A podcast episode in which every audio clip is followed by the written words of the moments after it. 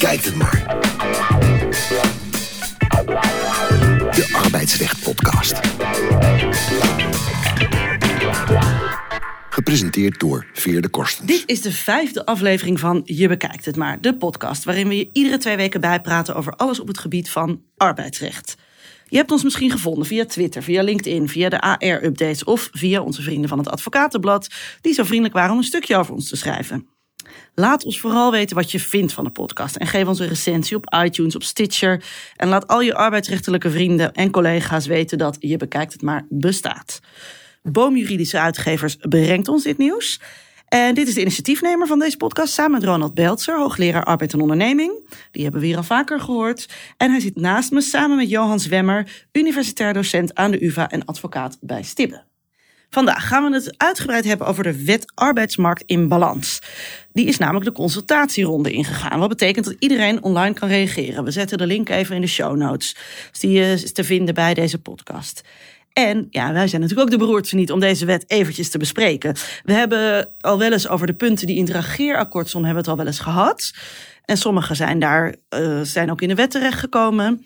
Maar Ronald, kun je als allereerste vertellen wat het doel is van dit hele pakket maatregelen? Ja, die wet, uh, of dat wetsvoorstel moet ik zeggen, want dat is het, uh, is een, uh, ja, een correctie, zou je kunnen zeggen, op de WWZ, die we sinds 2015 kennen, waarin het ontslagrecht enorm op de schop is gegaan. Maar we hebben na een paar jaar eigenlijk al ontdekt dat er wat uh, zaken in zitten die in de praktijk minder goed uitwerken. Het vaste contract lijkt helemaal niet aantrekkelijker te zijn geworden door de WWZ.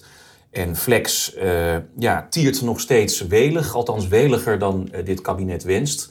En met dit pakket maatregelen probeert uh, minister Koolmees, ik moet zeggen het hele kabinet, uh, ja, toch dat doel te bereiken. Dat is ingezet met die WWZ. Ja, en dat doel was dus vast aantrekkelijker maken en flexcontract ja. onaantrekkelijker. Ja, dat is de gedachte, want flex dat rees hier de pan uit. En iedereen maakte er gebruik van. En nou ja, er werd wel geroepen van dat komt hierdoor, hierdoor en hierdoor. Maar daar zat eigenlijk altijd wel in dat ontslagrecht dat is te lastig voor werkgevers, te rigide. Je moet dikke dossiers aanleggen. Er is onzekerheid bij de rechter, het is allemaal te duur. Uh, en, en daarom, dat is een belangrijke reden waarom men in flex dook. En, en wat is nou de grootste verandering met de WWZ? Nou, dat zijn uh, in feite uh, ja, wat pleisters, zou ik willen zeggen. Want uh, de, de, grote problemen met het arbeidsrecht voor werkgevers die, ja, die worden hier niet mee opgelost. En ik noem er twee. Dat zijn, uh, hoe gaan we om met de ZZP'er? Nou, dat hebben we het in eerdere podcasts over gehad. Er staat wel in het regeerakkoord iets over, maar niet hierin. Dat is echt een hoofdpijndossier.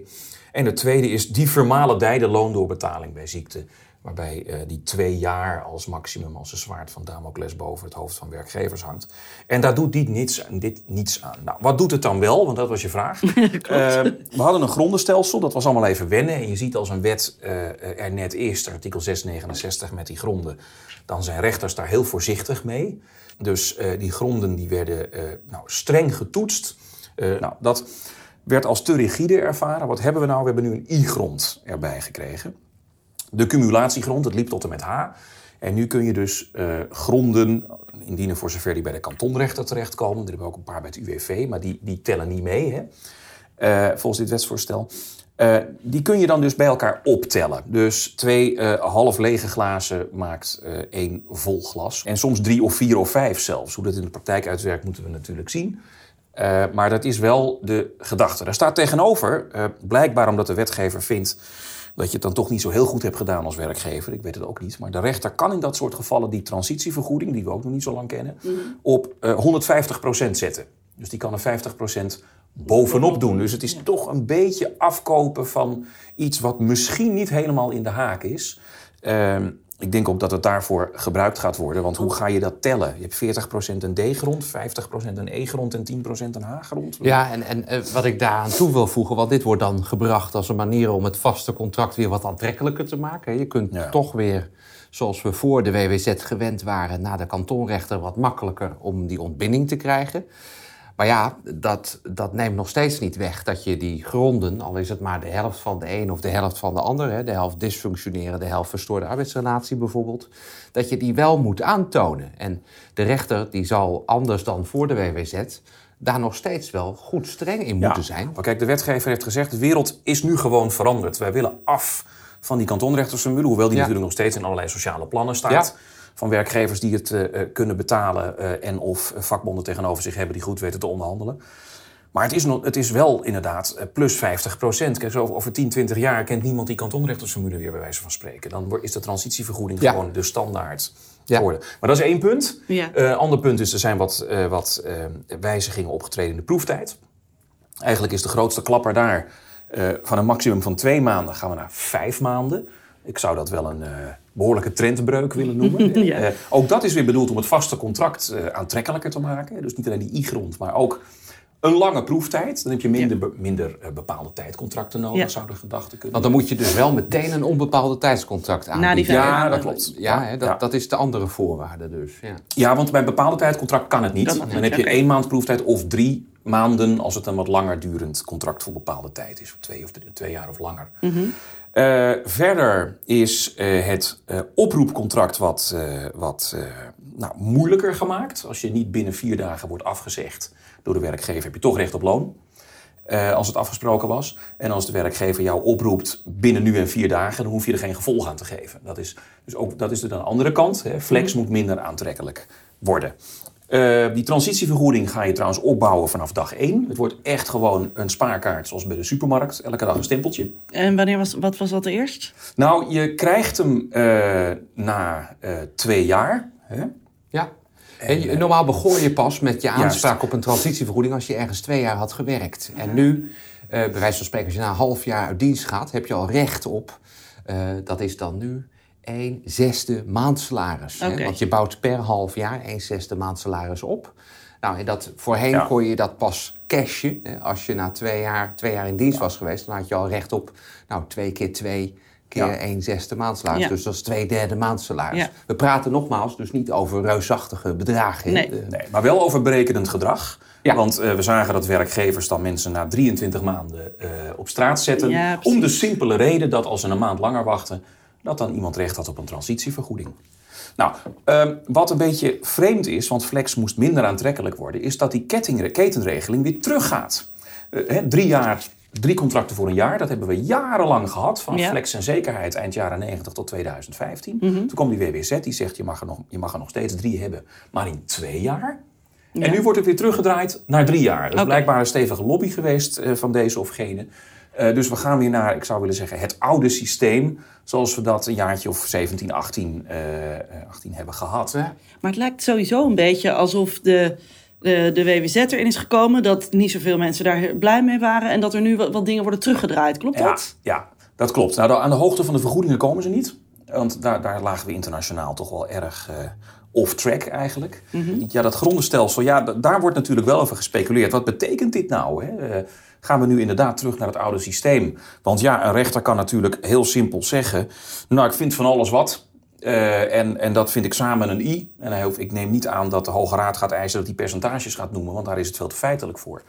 Ehm, en dan, dan, ja, dan kom je toch al snel op die 150 procent. Als dat niet zo'n hoog bedrag is, zal een werkgever het laten zitten. Hoewel die natuurlijk primair zal aantonen dat er één bepaalde grond is. Want ja, dat scheelt weer eh 50 procent of 33 procent als je telt vanaf 150. Heeft het kans van slagen in de Tweede Kamer, dit wetsvoorstel? Nou ja, in de Tweede Kamer wel. Ehm, we moeten ons niet in de luren laten leggen door eh, al die oorlogzuchtige taal in de media, eh, die altijd weer, ik zeg het maar, uit verdachte hoek komt. Ik bedoel, zowel werkgevers als werknemers vinden het niks. Eh, van werkgevers is dat vreemd, want die eh, eh, zongen eerst nog van halleluja toen het regeerakkoord het licht zag. En nu vinden ze het ineens allemaal niks. Ja, en de bonden, ja, waarom die er tegen zijn? Ja, omdat het, je zou het kunnen zien als een, een, een tegemoetkoming aan werkgevers op een aantal vlakken. Zoals die i-grond. Om toch makkelijker mensen te kunnen ontslaan. En hun leden zijn, maar dit is een beetje eh, conspiracy theory. Hun leden zijn oudere werknemers. En die gaan die extra transitievergoeding die eh, nu oudere werknemers krijgen verliezen.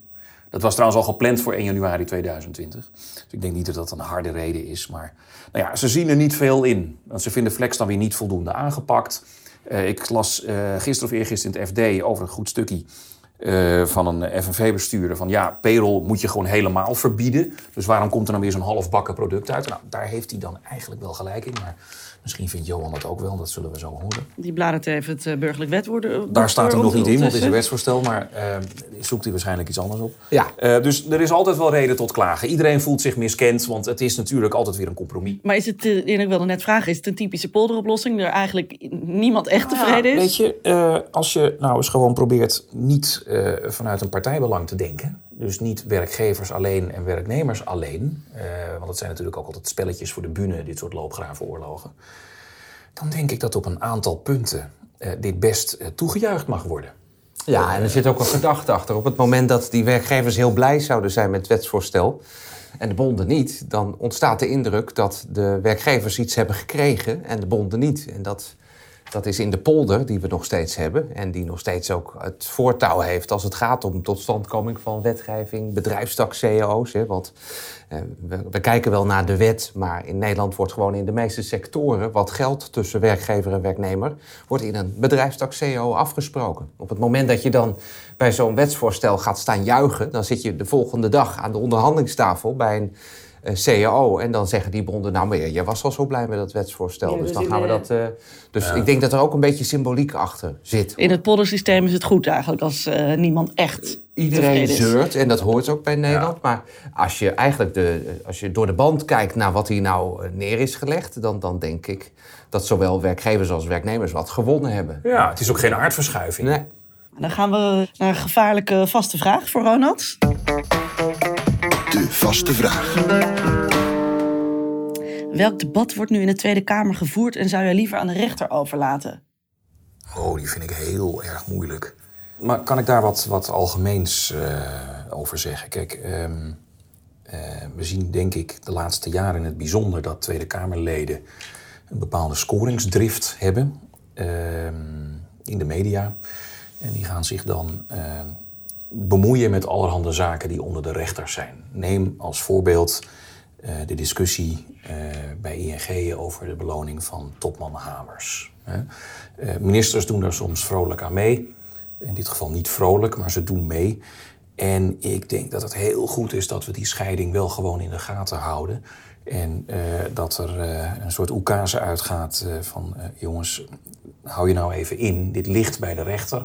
Je, je probeert hier de publieke opinie te beïnvloeden. Rechters zijn daar natuurlijk ook gevoelig voor. En dat moeten we niet hebben. Die moeten in vrijheid kunnen oordelen. En dat, dat zie je dus juist de laatste tijd bij die beloningsdiscussies vrij sterk. En dat, dat vind ik jammer. Ik zeg hiermee dus niet dat de rechter überhaupt altijd over beloning moet oordelen. En dat de Tweede Kamer daar niets over te zeggen heeft. Maar we hebben een wet.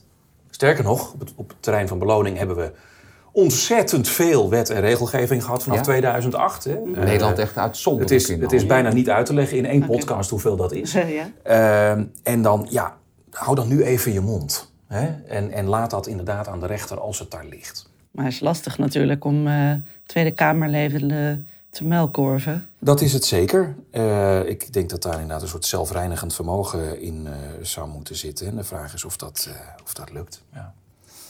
Nou, dan gaan we nu even naar Boom, naar eh, uitgeverij Boom, die ons gaat vertellen wat we deze week, deze maand, kunnen lezen, kijken, luisteren. Wat moeten we lezen, bekijken of luisteren van uitgeverij Boom? Natuurlijk vragen we Weert weer eventjes. Weert Soetenhorst, directeur Boom Juridische Uitgeverij. Wat heb je voor ons, Weert? Ja, wat we voor je in de aanbieding hebben is het volgende. Eh, we hebben in 2015 een, een heel succesvol, enorm dik modellenboek uitgebracht over met modellen rondom de WWZ, rond het arbeidsrecht.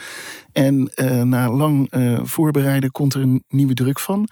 Betekent dat er een compleet eh, vernieuwd handboek komt met ook aandacht voor de nieuwe privacywetgeving in contracten. En daarnaast wordt ook de, de website die erbij hoort, de databank met modellen, geactualiseerd. Wordt sowieso geactualiseerd, maar nu in één klap heel fors. Perfect. En wie gaat hier gebruik van maken? Nou, we weten in ieder geval eh, de abonnees op de modellendatabank. Die overigens het boek ook met een behoorlijke korting eh, aangeboden krijgen.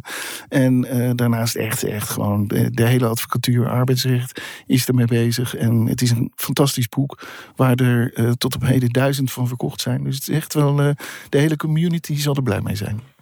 En waar vinden we dit boek? Eh, dat boek vind je op de website van Boom Juridisch en dat is www.bju.nl.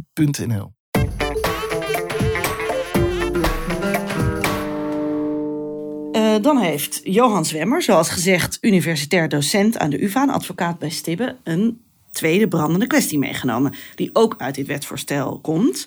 En bovendien een onderwerp waar Ronald zich al vaker in deze podcast over heeft uitgesproken. Dus ik ben heel benieuwd nu, Johan, wat jij hiervan vindt, payrolling.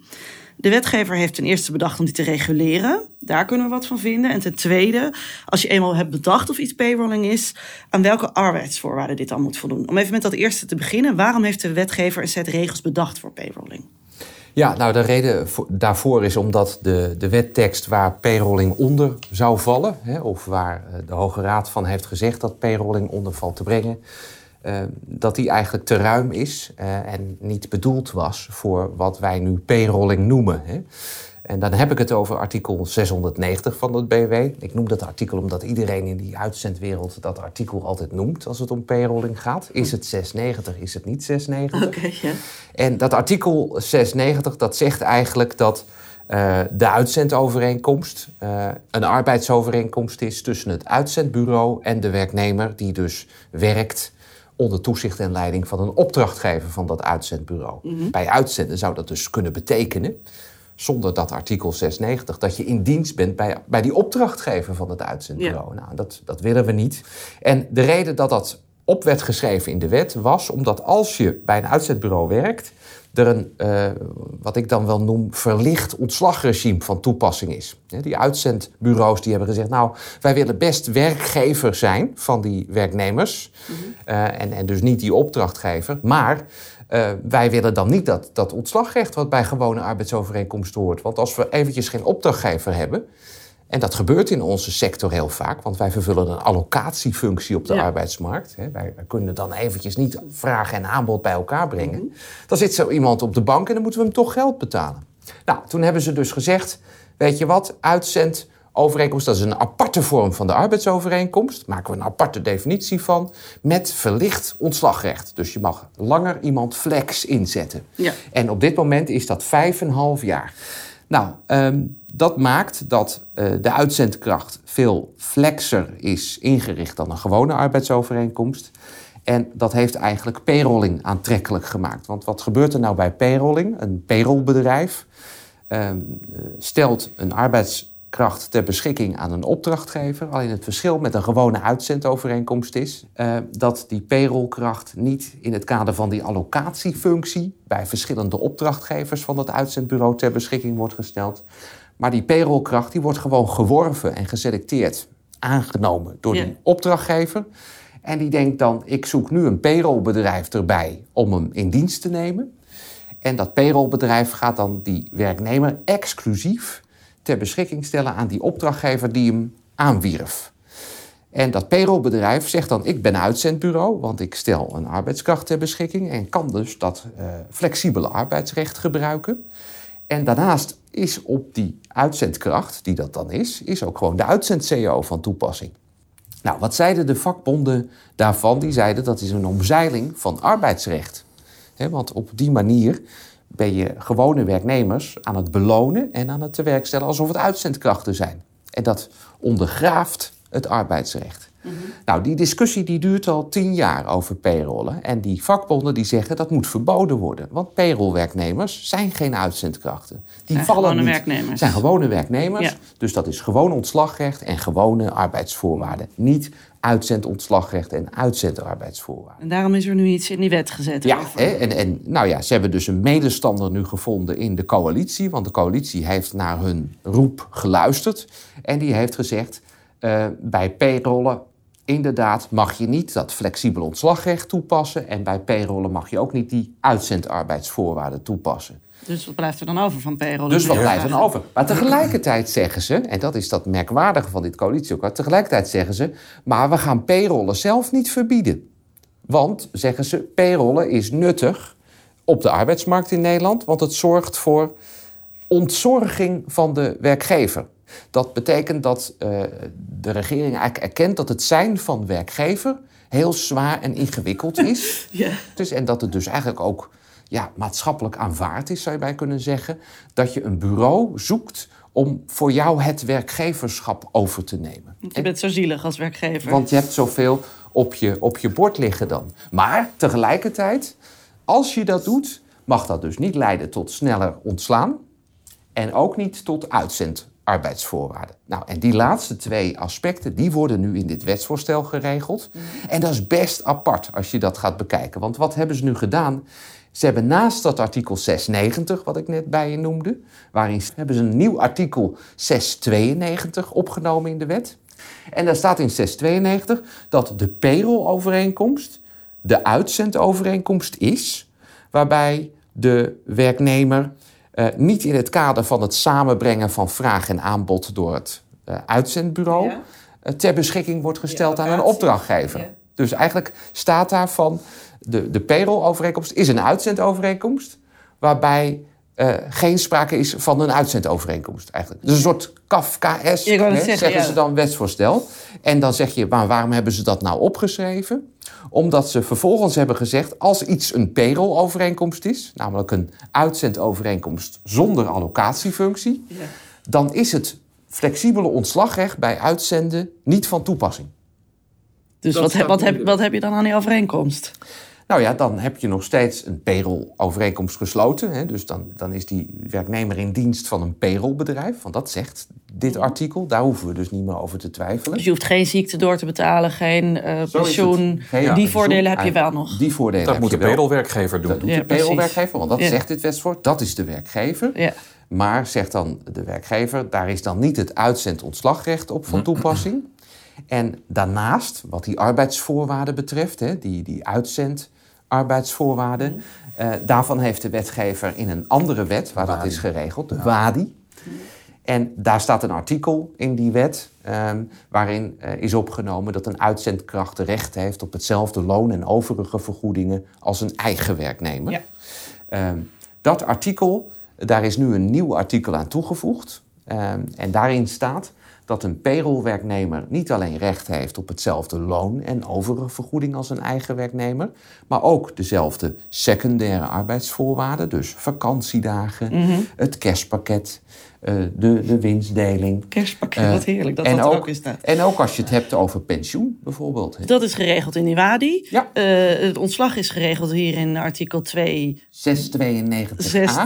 Oké. Ja. En dus dan heb je eigenlijk ongeveer dezelfde positie als Ja. een werknemer. Ja, die, Die heb je toch dan. al had. Want er blijft niks over.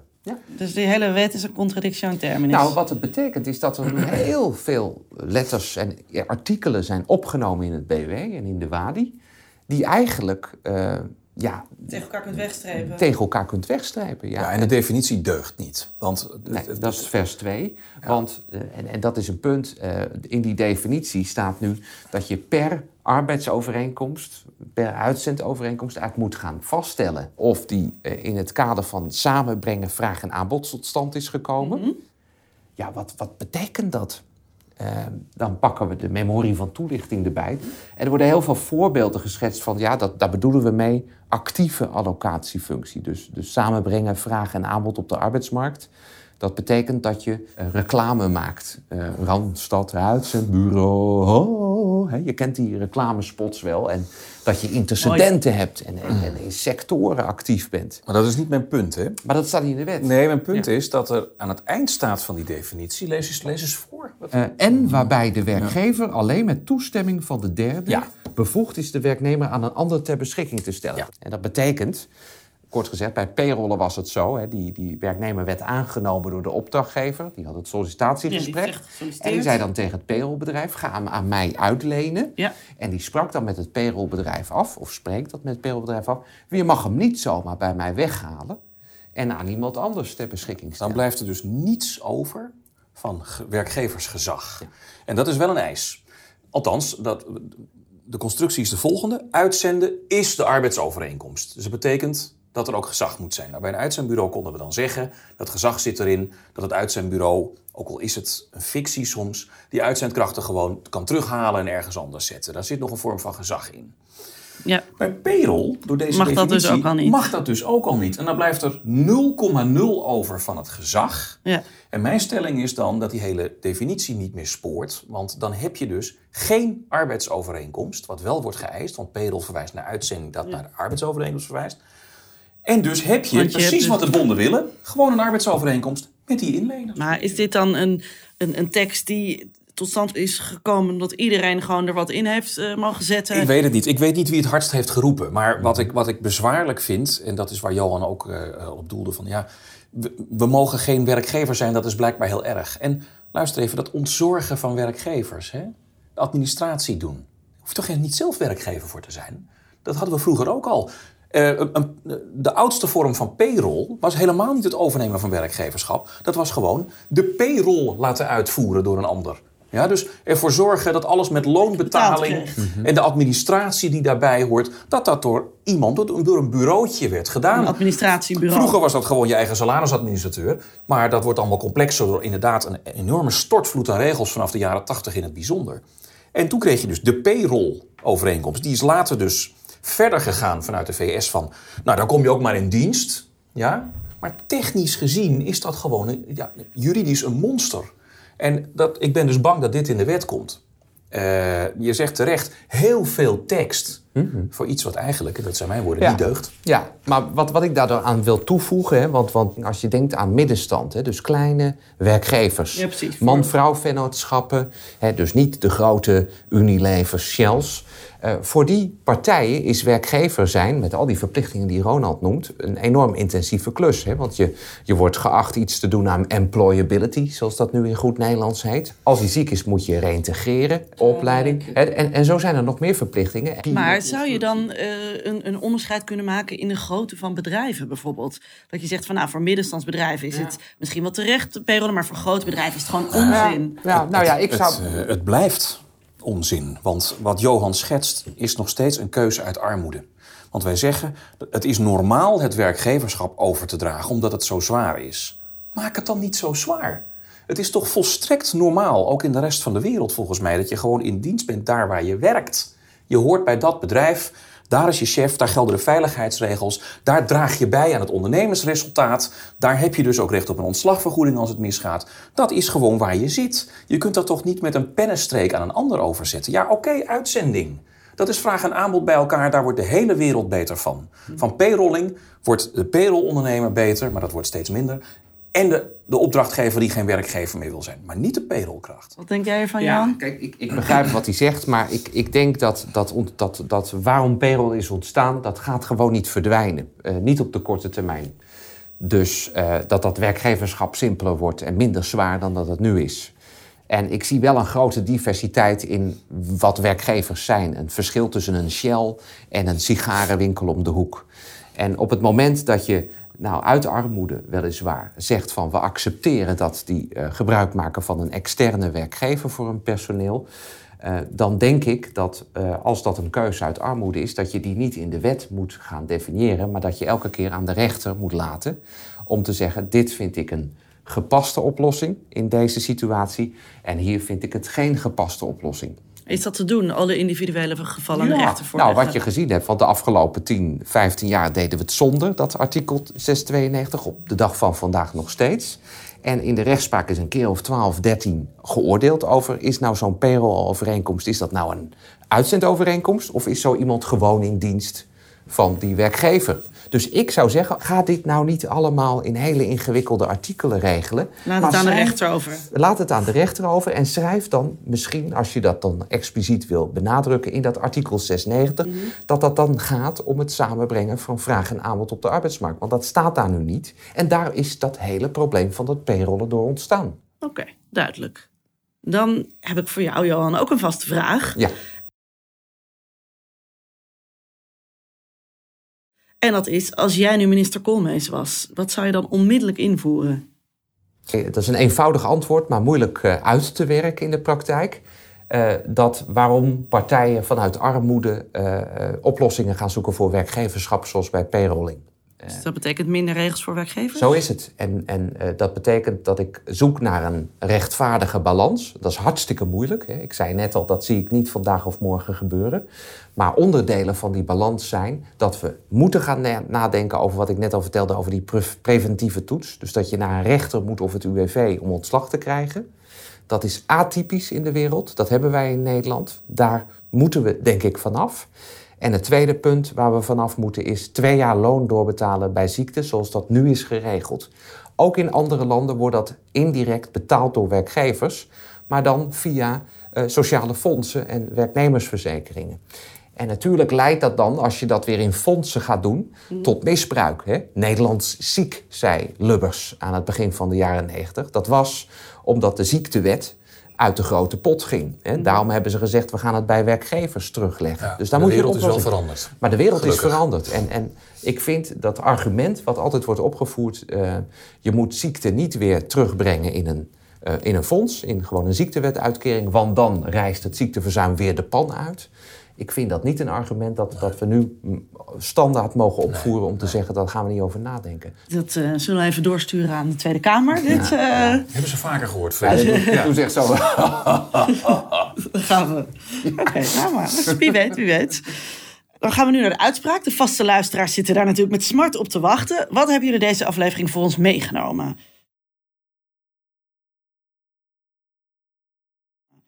Wij hebben meegenomen een uitspraak van de Hoge Raad van 20 april. Uh, daar, waarin de Hoge Raad uitspraak doet op uh, vragen die zijn gesteld door de kantonrechter. dus, uh, dat noem je prejudiciële vragen. Dat kan in Nederland. zonder dat partijen dat dus per se aan de Hoge Raad voorleggen. over de vraag of je nou wel of niet een transitievergoeding moet betalen aan een AOW'er.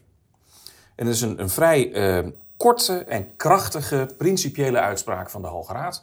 Dus uh, ook dit, ook dit wordt, er weer eentje, wordt er weer eentje die we aan studenten gaan voorschrijven volgend jaar. Ja. Die vinden ze prettig om te lezen, want hij is nog geen acht pagina's lang.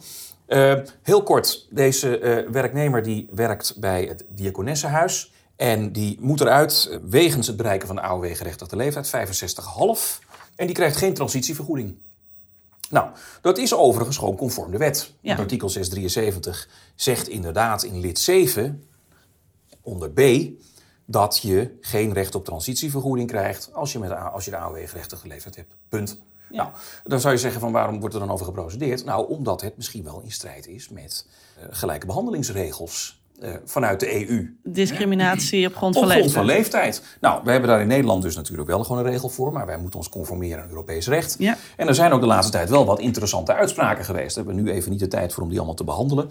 Maar die zouden wel eens in de richting kunnen wijzen van, nou, misschien moet je toch eens eventjes wat beter kijken voordat je dat zo categorisch uitsluit. En die transitievergoeding, ja, waar, waar is die nou eigenlijk voor bedoeld? Um, voor er zit een, transitie van de een naar de andere baan. Ja, en dan zou je zeggen, die AOW'ers die hebben dat niet nodig. Maar er is nog wat meer. Want als je in de wetsgeschiedenis kijkt, dan zie je dat de wetgever ook zegt: het is ook om de gevolgen van een inkomensachteruitgang op te vangen. Ja. Dus het heeft een duale functie. Nou, Hoge Raad noemt dat allemaal, hè, dus die haalt die wetsgeschiedenis aan, waaruit dan blijkt wat er bedoeld wordt.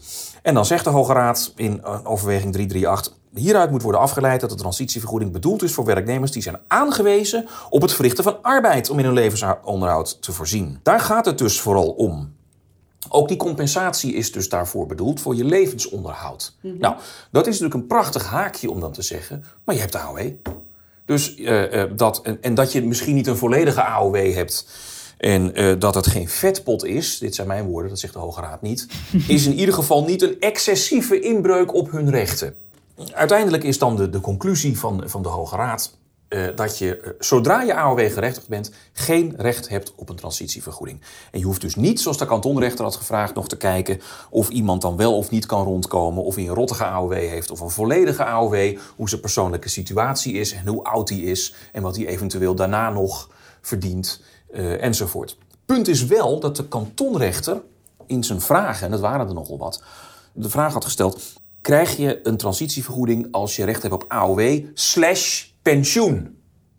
En daar zit nog wel een pijnpunt, want we hebben natuurlijk ook mensen die al eerder met pensioen gaan dan de AOW-gerechtigde leeftijd. Nou, die krijgen dan inderdaad een pensioen. En die hebben uh, onder het huidige stelsel ook geen recht op een transitievergoeding. Dat staat ook gewoon in diezelfde bepaling. Het speelde niet in deze zaak, want deze...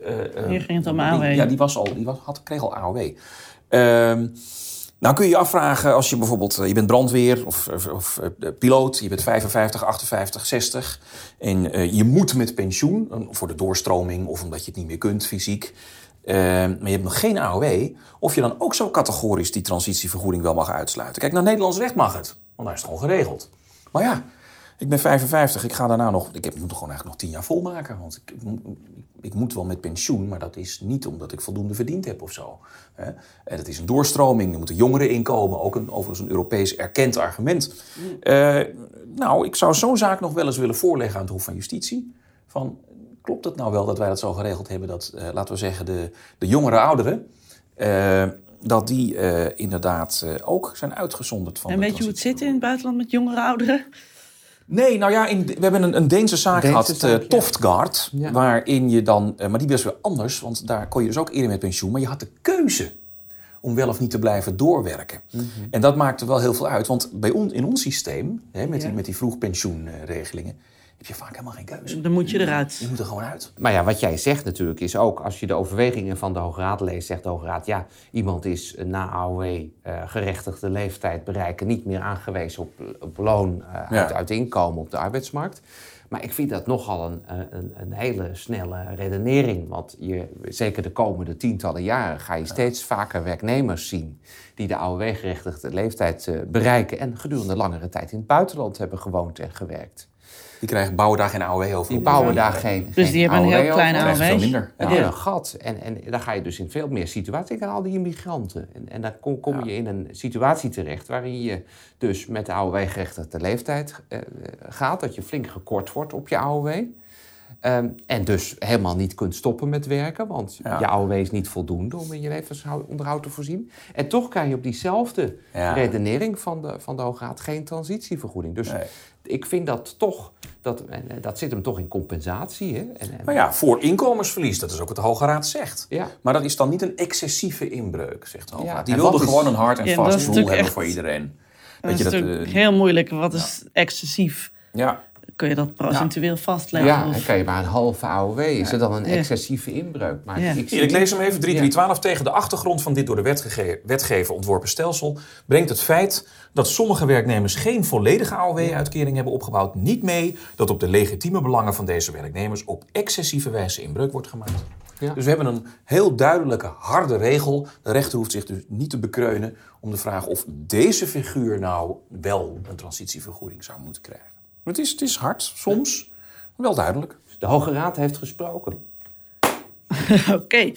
dan zijn we aan het einde van deze aflevering hiermee, als de Hoge Raad gesproken heeft. Uh, we kunnen deze aflevering denk ik gewoon opsturen naar de internetconsultatie van de wet, want uh, nou, wij hebben de oplossingen. En um, daarvoor dank ik mijn gasten Ronald Beltzer, Johan Zwemmer. Fijn dat jullie de actualiteit in het arbeidsrecht met ons wilden bespreken. Over twee weken is aflevering nummer 6. Daarin weer een nieuwe uitspraak die we bespreken. Twee gasten. Weten we al welk gast? Nog nee, niet? dat, uh, ik, ik, heb wel iemand op het oog, maar die, die weet, weet, die weet het zelf nog niet. Kijk. Uh, dat, hij, dat, dat wordt. Ja. Okay, ja. Okay. ja, dat is dat verrassingseffect dat Ronald vaak gebruikt om een hele interessante discussie los te maken. Kijk, precies. Dus die kunnen we verwachten. Uh, die aflevering vind je over twee weken op iTunes, op Stitcher en um, op de website van Bamiridis. De montage van het programma was in handen van Arno Peters. Mijn naam is Veerle Korstens en ik hoor u graag de volgende keer bij Je Bekijkt Het Maar.